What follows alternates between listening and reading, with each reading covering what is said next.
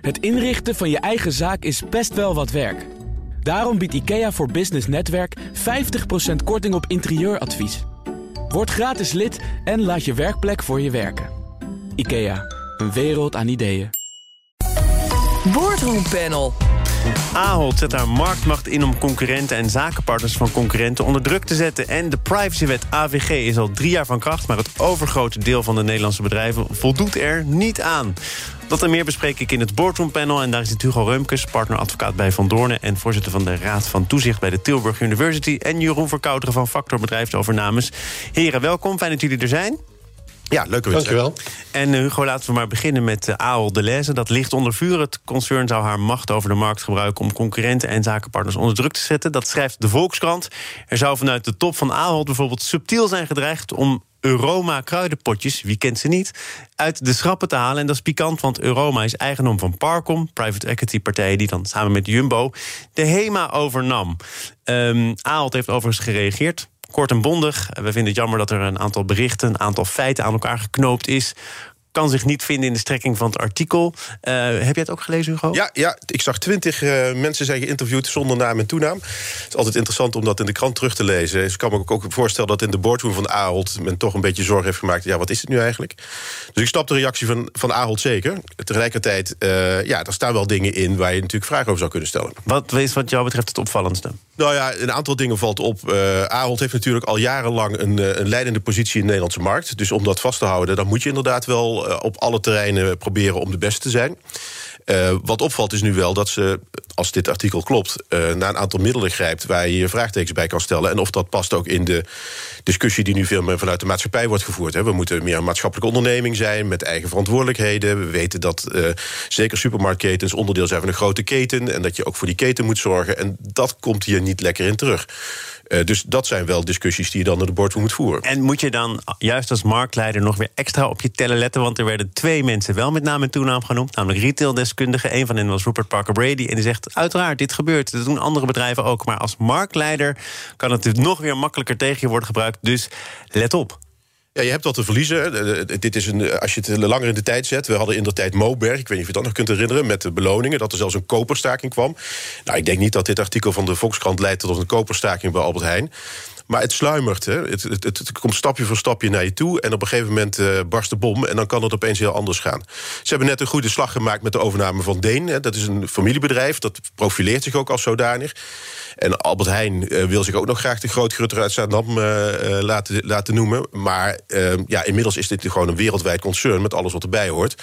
Beursgenoteerd en, en alles? Ja, dus dat betekent ook dat je met die maatschappelijke ontwikkeling die nu tijdens COVID is opgekomen mee moet gaan.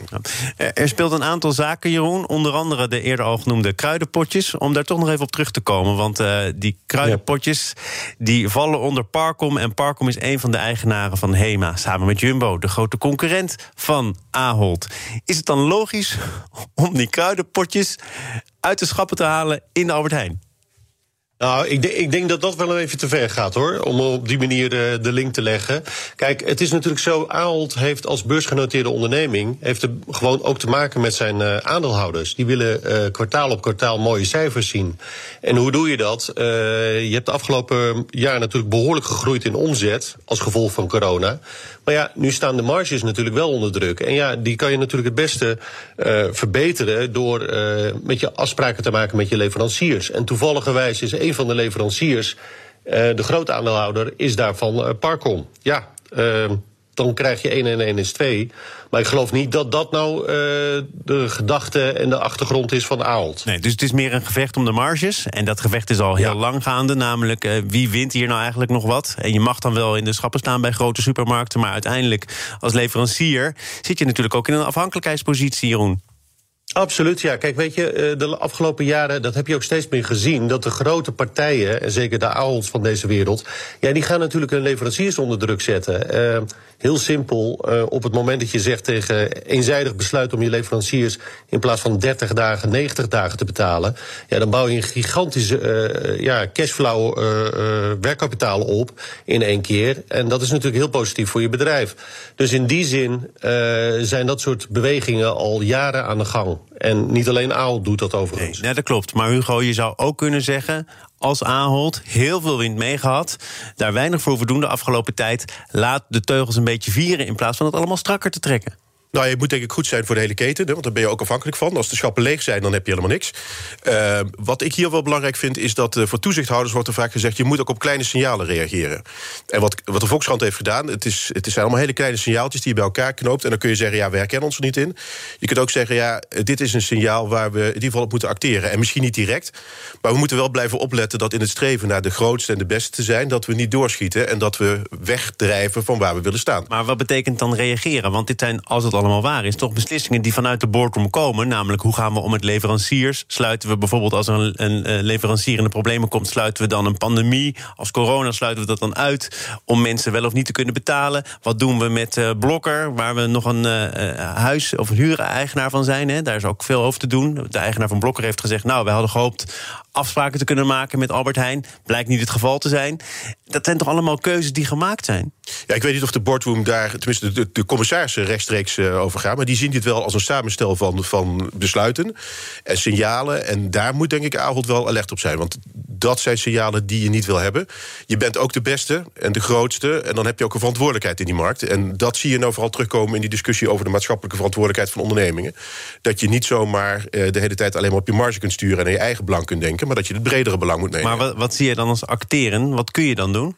Nou ja, dit, dit zijn uh, voorbeelden die de Volkskrant noemt... die allemaal bij elkaar allemaal kleine stapjes zijn. En wat ons dan opvalt als we dat artikel lezen... is juist dat we een grote beweging zien. En als dit de beweging is die Aalt wil inzetten... om de concurrentie te slim af te zijn... Ja, dan is dat denk ik niet de, de, de manier waarop dat zou moeten. Dat moet men op andere manieren doen. Uh, ik, ik, denk, denk niet zozeer dat de beweging Aalt is, hoor. Ik denk meer een consolidatieslag in de markt. En uh, eigenlijk uh, vind ik het wel mooi dat Van Eert, uh, zeg maar, als Jumbo samen met Parkom, een zeer kapitaalkrachtige partij, toch een soort tegenwicht aan het vormen is. Het familiebedrijf tegenover het aandeelhouders onderneming. Dus ja, ik vind het eigenlijk wel een mooie ontwikkeling. Maar Jeroen, zijn dat dan al partijen van gelijke omvang? Kan zelf het antwoord ook geven? Nee, nee, nee, natuurlijk niet. Kijk, uh, Ahold is vele malen groter en ook in het buitenland. Maar die schaalvergroting en uh, die concentratietendens, die zie je. Tegelijkertijd zie je ook weer uh, de online shoppingmarkt opkomen, de Picnic. Als je kijkt wat, hoe Picnic gegroeid is afgelopen jaar... Ja, kijk, dat is natuurlijk ook wel het tegengewicht waar Al, uh, Ahold naar kijkt. Het is niet alleen meer de winkels, de fysieke winkels, maar het is ook gewoon het hele online gebeuren. Het speelveld is groter geworden in die zin. Maar er wordt zo af en toe ook zeker in deze coronaperiode een beroep gedaan op solidariteit. Hè? Wat ik net zei over Blokker, dat gaat erom. Nou, jullie hebben schaapjes op het droge, uh, goede maanden achter de rug. In tegenstelling tot bijvoorbeeld Blokker, uh, de topman van de HEMA, ja. toen hij nog topman was, heeft zich er ook over beklaagd. Het assortiment van Albert Heijn begon in één keer toch veel tekenen te, te laten zien van uh, hetzelfde assortiment als van uh, de Albert Heijn. Uh, dus Hema, Albert Heijn verkochten op een gegeven moment volgens mij handdoeken waren het volgens mij. Was ja, dat nou klopt, wel ja. nodig? Hele discussies met Hema. Ja. Precies. Dus is het overkoepelende thema niet solidariteit en het gebrek daaraan? Kijk, vooropgesteld, ik ben het daar wel mee eens. Uh, kijk, een aantal sectoren zijn natuurlijk ongenadig afgestraft in uh, de coronacrisis. En een aantal sectoren die hebben behoorlijk gebloeid. Nou, het wil niet zeggen dat omdat de een toevallig ja, aan de goede kant van de streep stond, gelijk de andere moet helpen. Maar er is wel iets van: oké, ik ben het helemaal met je eens. Bijvoorbeeld leveranciers, nu leveranciers verder afknijpen. Ja, ik denk dat dat al is het maar vanuit de stakeholders, de publieke opinie, natuurlijk niet handig is. Je kan ook zeggen, nou, we snappen dat jullie het moeilijk hebben. Uh, we geven jullie juist uh, wat sneller het geld. Hugo, hoe kijk jij naar onderlinge solidariteit en of je dat dan wel of niet aan een bedrijf kunt vragen? Ja, het, het, gaat twee kanten uit. Kijk, nu heeft Ahold de, de wind in de zeilen gehad. Uh, en, en, straks kan dat anders zijn. Uh, ik denk veel meer dat het belangrijk is dat je je maatschappelijk verantwoord blijft opstellen. En uiteindelijk zullen de consumenten daarnaar kijken. Ik denk namelijk dat ze ook het gevoel willen hebben... als er een keuze is, hoe moet dat anders? Tegelijkertijd zijn er nu ontwikkelingen, zoals dat Geteer... dat je binnen 10 minuten je boodschappen moet hebben. Daar zal Ahold ook weer zich op moeten voor voorbereiden. En die consolidatieslag is daarop gericht dat je dat kan blijven doen. Maar diegene die snel gaat bewegen die kan daar opeens een verandering in brengen. En dat is wel interessant uh, hoe Ahold daar weer op gaat reageren. Dus ik zie dit meer als gerommel in de marge. ik zou het veel meer, die grote beweging, uh, daar zou ik in de boardroom op gaan. Nou, die grote beweging, Hugo, en Jeroen gaf het ook al aan, die leidt ertoe dat kleinere partijen, en niet eens hele kleine partijen, zoals de Deen nu al zeggen, we trekken de stekker eruit, we gaan door onder een andere vlag. We laten ons overnemen, want wij kunnen dat helemaal niet bijbenen. Nee, maar tegelijkertijd is dat misschien ook wel de, de middleman. Hè? Dus de, de, de, de kleine lokale leveranciers die doen het juist weer heel goed. Uh, boeren verkopen tegenwoordig ook rechtstreeks aan, aan het publiek. En uh, uh, daar zal Ahold denk ik ook last van hebben. Dus ze, zullen, ze zullen op de een of andere manier met innovatie het een en ander moeten oppakken. En juist deze signalen die nu de Volkskrant staan opgeschreven, helpen daar niet bij. Ik denk dat mensen dan veel meer kiezen voor de eerlijke producten die ze bij de boer om de hoek kunnen gaan krijgen. Het laatste dossier dat de Volkskrant aanstipte is de nieuwe topvrouw van de HEMA. Die komt van Ethos. En dat is een bedrijf van Ahold, Saskia Egas Reparas. Daar was uh, over te doen. Ze werd meteen op non-actief gesteld. Uh, ze mocht ook niet meteen aan de slag. Uh, ze moest oorspronkelijk zes maanden wachten. Dat is in de minder geschikt zijn op drie maanden uitgekomen. wil dat toch zeggen dat de verhoudingen, Jeroen, niet zo slecht zijn?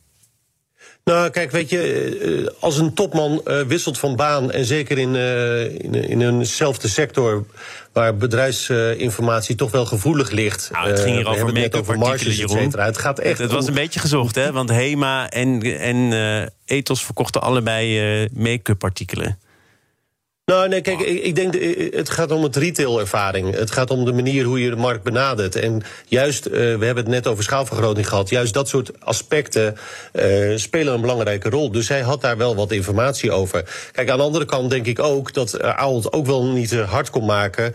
dat, dat zij zes maanden op de bank moest zitten. Dus wat dat betreft, ja, ik vind het wel slim dat Ahold dan ook gezegd heeft... eieren voor zijn geld gekozen, want ook daarin... Uh, kies je weer uh, op het moment dat je daar als een soort reus tegenover een kleinere partij staat, ja, dan kies je wel weer de, de publieke opinie tegen je. We gaan naar andere belangrijke keuzes die gemaakt zijn. Zaken doen. En dat ik samen met het Boardroom Panel. Daar is het Hugo Reumkes, partner en advocaat bij Van Doornen... en voorzitter van de Raad van Toezicht van de Tilburg University... en Jeroen Verkouteren van Factor Bedrijfsovernames. Air France KLM. De Franse staat heeft haar belang in de onderneming flink uitgebreid... door nu 30% van de aandelen in handen te hebben. Net niet genoeg om gedwongen te worden een bod te doen op de rest. En door de uitgifte van extra aandelen komt het Nederlandse belang op 9% eh, uit. Dat zelfs minder dan eh, China Eastern, dat er ook nog in zit. En uh, wat zeggen minister Hoekstra en minister van Nieuwenhuizen dan in een eerste reactie? Wij hebben afgezien eh, van meedoen aan deze uitgifte, omdat bij KLM de nood wat minder hoog is. Hugo, is dat geloofwaardig? Nou ja, ze konden niet anders. Uh, ik vrees dat uh, met de uitspraken die, die Hoekstra heeft gedaan... over uh, geen belastinggeld naar Frankrijk... ja, kun je niet in die strijd doorgaan. Air France heeft, heeft nu Frankrijk als aandeelhouder... die net tegen de grenzen van het openbare bod aan zit. Dus daar, daar zit geen ruimte meer. Hoekstra had natuurlijk op een slimme manier geprobeerd... om dat gelijk te krijgen. Heeft nog het voordeel overigens van die stemverdubbeling. Hè? Is dat nou een slimme manier? Want toch nog even dan terug naar een paar jaar in de tijd. Hè? Ja. toen moest er echt overnight, verrassingsaanval, op gelijke hoogte gekomen worden met de Fransen. En kocht Hoekstra 14% aandelen. Ja. En nu, ja, misschien zegt hij het, het kan niet anders, want ik heb gezegd dat er geen belastinggeld naar Frankrijk mag. Maar doet dat er kennelijk niet meer toe? Nou ja, dat was een andere tijd. Hè. Dat was pre-corona. Het geld wat nu naar, naar, uh, naar KLM gegaan is... is alleen maar om te zorgen dat de werkgelegenheid rondom Schiphol gewaarborgd is gebleven. Daar zal ook niemand echt direct probleem mee hebben... want dat is wel aantoonbaar in het belang van Nederland. Maar om in die strijd met Frankrijk mee te gaan... over het belang in, uh, in KLM Air France... ja, dat is een gelopen race. En ik denk dat Hoekstra daar eigen voor zijn geld kiest. Maar als je zegt werkgelegenheid was een belangrijk argument... dan geldt dat toch nog steeds. Er zijn vakbonden die zich nu ook al zorgen maken... over toch een vrij dominante Franse positie binnen het concern... En dat het wel degelijk ook gevolgen kan hebben voor de baan en werkgelegenheid in Nederland bij KLM, misschien zelfs op Schiphol? Ja, dat begrijp ik. Maar ja, dat is in de tijd bij de overname, uh, wat toen fusie werd genoemd, uh, natuurlijk eigenlijk gecreëerd. En daar, daar kun je nu niet meer zoveel over, over, uh, over zeuren, want dat, dat is eenmaal achter de rug. Het ging er nu volgens mij veel meer om dat, dat Hoekstra wilde veiligstellen dat al die banen rondom Schiphol er zouden zijn.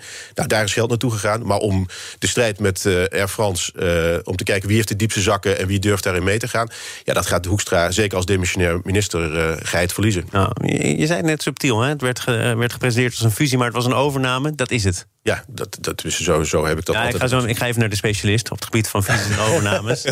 ja, ik denk, vraag het jou toch maar dan, Jeroen. Eh, is dit nog wel eh, te verkopen als een fusie... of krijgt het nu toch ook nog steeds meer de kenmerken van een overname?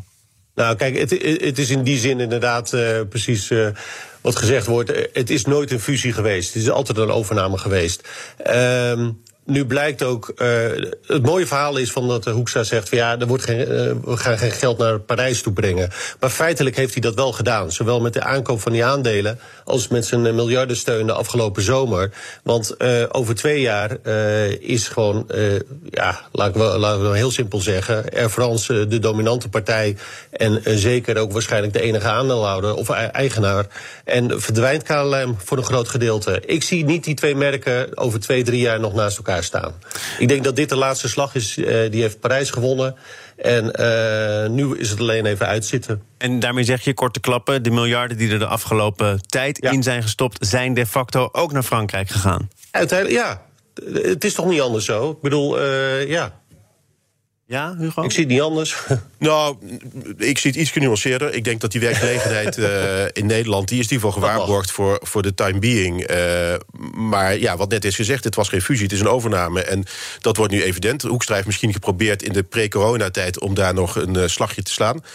Nou, die slag heeft hij toen even gewonnen. Maar de, de grote strijd is, is denk ik inderdaad verloren. Reinier Maar ik ben het wel de- overigens mee eens. Kijk, voor de werkgelegenheid zo de komende twee, drie jaar zal het wel eh, geborgd blijven. Maar na die periode ja, zie ik gewoon KLM niet als apart merk eh, blijven staan. Nou, maar. Jeroen, dan kom ik nog even terug op wat Reinier Kastelein van de Unie daarover heeft gezegd. En die zegt, eh, Ja. nou, KLM heeft, eh, ja, daar is heel veel over gezegd en gesproken, maar wel een offer gedaan, het personeel van KLM. En nu laat de minister ons als KLM eigenlijk barsten. En die werkgelegenheid voor de time being, wat is dat dan waard? Ja, nee, ja, daar ben ik mee eens. Ja. Dat is het, dat is het vervelende. Eh, we weten pas natuurlijk eh, de werkelijkheid over twee, drie jaar. Maar ik vrees dat hij voor een groot gedeelte gelijk heeft. Ja, overigens, eh, die twee, drie jaar, als je nog weer wat verder kijkt... dan is er op dit moment volgens mij een Europese regel... de Europese Commissie verplicht om staten eh, weer het belang te laten afbouwen tot 14 procent. Ja, Hoekstra eh, kan wel nadenken. Eh, maar ja, het is natuurlijk lastig, eh, lastig manoeuvreren als je demissionair bent. het geld niet meer over de plinten klotst. En je tegelijkertijd moet zorgen dat de belangen van de staat van Nederland goed gewaarborgd zijn. Maar het zou zo maar eens kunnen dat het heel anders gaat. Wat ik wel zorgwekkend vind, is dat het belang van China Airlines zo groot is. Hè? Want dat is nu eigenlijk de, de tweede partij in het geheel. Eh, dus China ook hier krijgt een dominante rol. En het zou zomaar eens kunnen dat waar twee honden vechten om een been, de derde er opeens veel beter voor staat. Maar op dit En- moment zijn die Fransen toch nog wel, als je kijkt naar de verhoudingen, de dominante factor. Ja, maar het gaat vooral om die, eh, om die landingsrechten. En eh, een Chinese partij heeft daar waarschijnlijk betere positie dan een, een Nederlandse. Nou, daar heeft Hoekstra wel gelijk een koper. Voor zijn belang. Altijd in opties en mogelijkheden blijven denken, Jeroen. We gaan eh, tot slot naar de AVG. Drie jaar na de invoering van de privacywet AVG blijkt eh, volgens het CIO-platform dat de meerderheid van de bedrijven er niet aan voldoet. Ruim 130 Chief Information Officers zeggen dat de wet voor veel bedrijven onuitvoerbaar is. Hugo, waarom is die wet voor veel bedrijven zo onuitvoerbaar? Nou, die wet die is, die is nieuw. Hè. Je moet het eigenlijk zien in een bredere context. Dit gaat over compliance. Eh, dus wij vinden het belangrijk dat persoonsgegevens beschermd worden. En eh, wat je ziet bij de grote financiële instellingen... die moeten enorm veel eh, bijzetten om te zorgen dat ze compliant zijn. En dit gaat over de CIO's, die zelf ook zien dat dat, dat dat moet. Waar ze over klagen, is eigenlijk dat ze van een hele beperkte groep marktpartijen afhankelijk zijn. En met name partijen uit Silicon Valley. En die hebben niet te maken met de Europese of de Nederlandse wetgeving. En houden dus hun eigen wetgeving. En daardoor is ontstaan er problemen. Dat En is, word je in de handen of de armen van die grote techbedrijven gedreven? Of zijn er nog opties buiten Amazon, Google, Microsoft? Nou, die zijn zo groot dat, eh, eh, dat je daar inderdaad commercieel wel aan overleverd bent. En dat is denk ik ook eh, het bezwaar wat ik heb tegen, tegen deze hele discussie. In de eerste plaats maar eens vanuit de boardroom, want daar zitten we hier voor. Kijk, op dit moment is het zo dat de wet is zoals die is. Dus die bedrijven die ermee te maken hebben, ja, daar heb ik een slechte boodschap voor. Je, je moet aan de wet voldoen. Dit is niet het argument om te zeggen, we leggen de wet naast ons neer. Dus je zult. Dat wordt namelijk wel investeren. gepresenteerd. Hè? Wij kunnen niet anders, Ja, helaas. dat is jammer.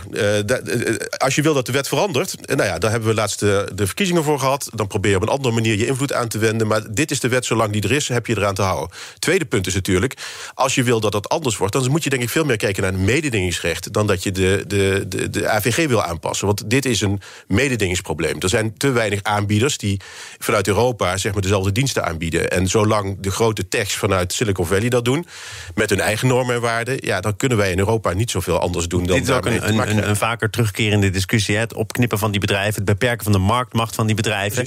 Daar wordt ook wel eens een keertje een stootje uitgedeeld, maar veel haalt het nog niet uit. Nee, maar nou ja, kijk, daar zitten we natuurlijk een beetje op twee, twee gedachten hinken. Als wij uh, met Nederlandse wetgeving, die AVG, die is in Nederland eigenlijk geïmplementeerd.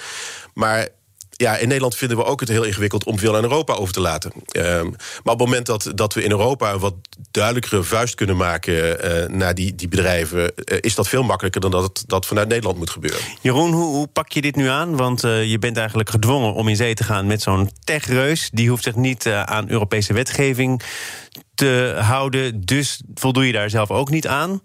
Hoe kan je in die situatie iets veranderen? Nou, ik denk dat Hugo wel gelijk heeft dat het meer een mededingingsvraagstuk is dan echt puur een uh, privacy-vraagstuk. Want de wet daarin is vrij duidelijk. En ja, biedt bedrijven ook niet heel veel uh, perspectief daarin. Aan de andere kant kan je wel zeggen: van ja, is het dan wenselijk dat er een aantal grote partijen de dienst uitmaken? Uh, ja, en daar zou je naar moeten kijken, naar de mogelijkheden. Maar dat, wat dat betreft is Europa natuurlijk ook wel een lappendeken. En uh, ja, is het lastig om een eenduidig antwoord hierin te krijgen? Nou, volgens mij is er wel gesuggereerd om uh, ervoor te zorgen dat die grote Amerikaanse techbedrijven pas hun diensten mogen aanbieden aan Europese klanten als ze voldoen aan de AVG. Dan heb je het toch eigenlijk getackeld, Hugo? Ja, maar ja, het economische belang is te, is te beperkt uh, voor die grote techbedrijven om dat te doen. Ik kan me wel ja, voorstellen Europa dat. Europa doet er niet meer zo toe? Uh, nou, Nederland in ieder geval in eerste instantie. Uh, en uh, zolang wij denken aan een nexit en, en ons niet zeg maar in dit soort verbanden wat meer organiseren vanuit Europa, blijft dat denk ik ook wel erg lastig. Uh, maar je zou wel kunnen zeggen dat zeker die bedrijven waar het nu om gaat en waar die CIO's uit, uh, uit voortkomen, die willen misschien ook helemaal niet hun, hun data in de Amerikaanse cloud hebben staan. En ik kan me voorstellen dat consumenten daar juist, juist zich ook wat bezorgd maken en dat die, die oproep die ze nu willen doen, dat die ook wat meer weerklank krijgt. Nou, stel, Jeroen, je bent drie jaar in overtreding. Je kent de verklaring, maar toch, je bent in overtreding. Uh, ja. In de tijd dat die AVG werd gelanceerd, uh, werd eerst gezegd, nou, we hebben nog wat coulance, want iedereen moet eraan wennen. Maar daarna, hoed je maar, de boetes zijn niet mals.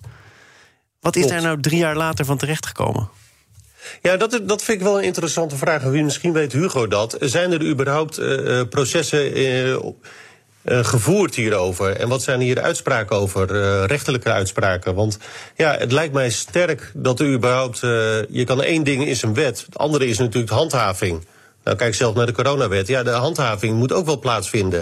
En als de handhaving niet plaatsvindt, ja, dan zie ik ook geen enkele reden voor bedrijven om te zeggen: ja, we gaan ons uh, conformeren aan de wet.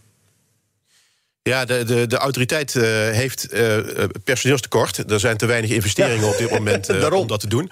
Er wordt veel onderzoek gedaan en veel dossiers zitten nu aan de laatste fase van het onderzoek en die gaan okay. dan naar handhaving toe. Dus dat zal vanzelf wel meer aandacht krijgen. Het is een onderwerp wat, wat zeker niet van de agenda is. En ik verwacht dat Boardroom zich daar flink over buigen op dit moment, hoe ze met denk, die handhaving gaan omgaan. Ja, en ik denk dat het belangrijk is dat er een aantal casussen voor de rechter komen. Want dan, dan kan je eigenlijk toetsen hoe, in hoeverre is die wet nou echt uh, uh, praktisch handhaafbaar? Of is het gewoon echt een uh, soort wassen neus? Ja, dit is de veenbrand die, die geheid binnenkort gaat ont. Ja, want je, dat voorspel je dus eigenlijk. En je ja. zegt veel van die processen zitten in de eindfase. En dan zal dus blijken dat veel bedrijven in overtreding zijn. Ja. En dan hoort daar dus ook een boete bij. Die wordt uitgedeeld. Ja. Dus die handhaving binnen de AP, die, die, die heeft het denk ik op dit moment gaat het druk krijgen. Ja. Hugo Reumkes, partner en advocaat bij Van Doornen... voorzitter van de Raad van Toezicht aan de Tilburg University. Dank voor je komst en ook dank voor je bijdrage. Jeroen Verkouteren, specialist op het gebied van fusies... en overnames van Factor Bedrijfsovernames. Dit was het Boardroom Panel. Straks praat ik verder met innovatiestratege Leonie van Mierlo... die komt uitleggen waarom divers personeel in de boardroom... we blijven toch nog even in boardroom-sferen... winst oplevert. Het inrichten van je eigen zaak is best wel wat werk... Daarom biedt IKEA voor Business Netwerk 50% korting op interieuradvies. Word gratis lid en laat je werkplek voor je werken. IKEA, een wereld aan ideeën.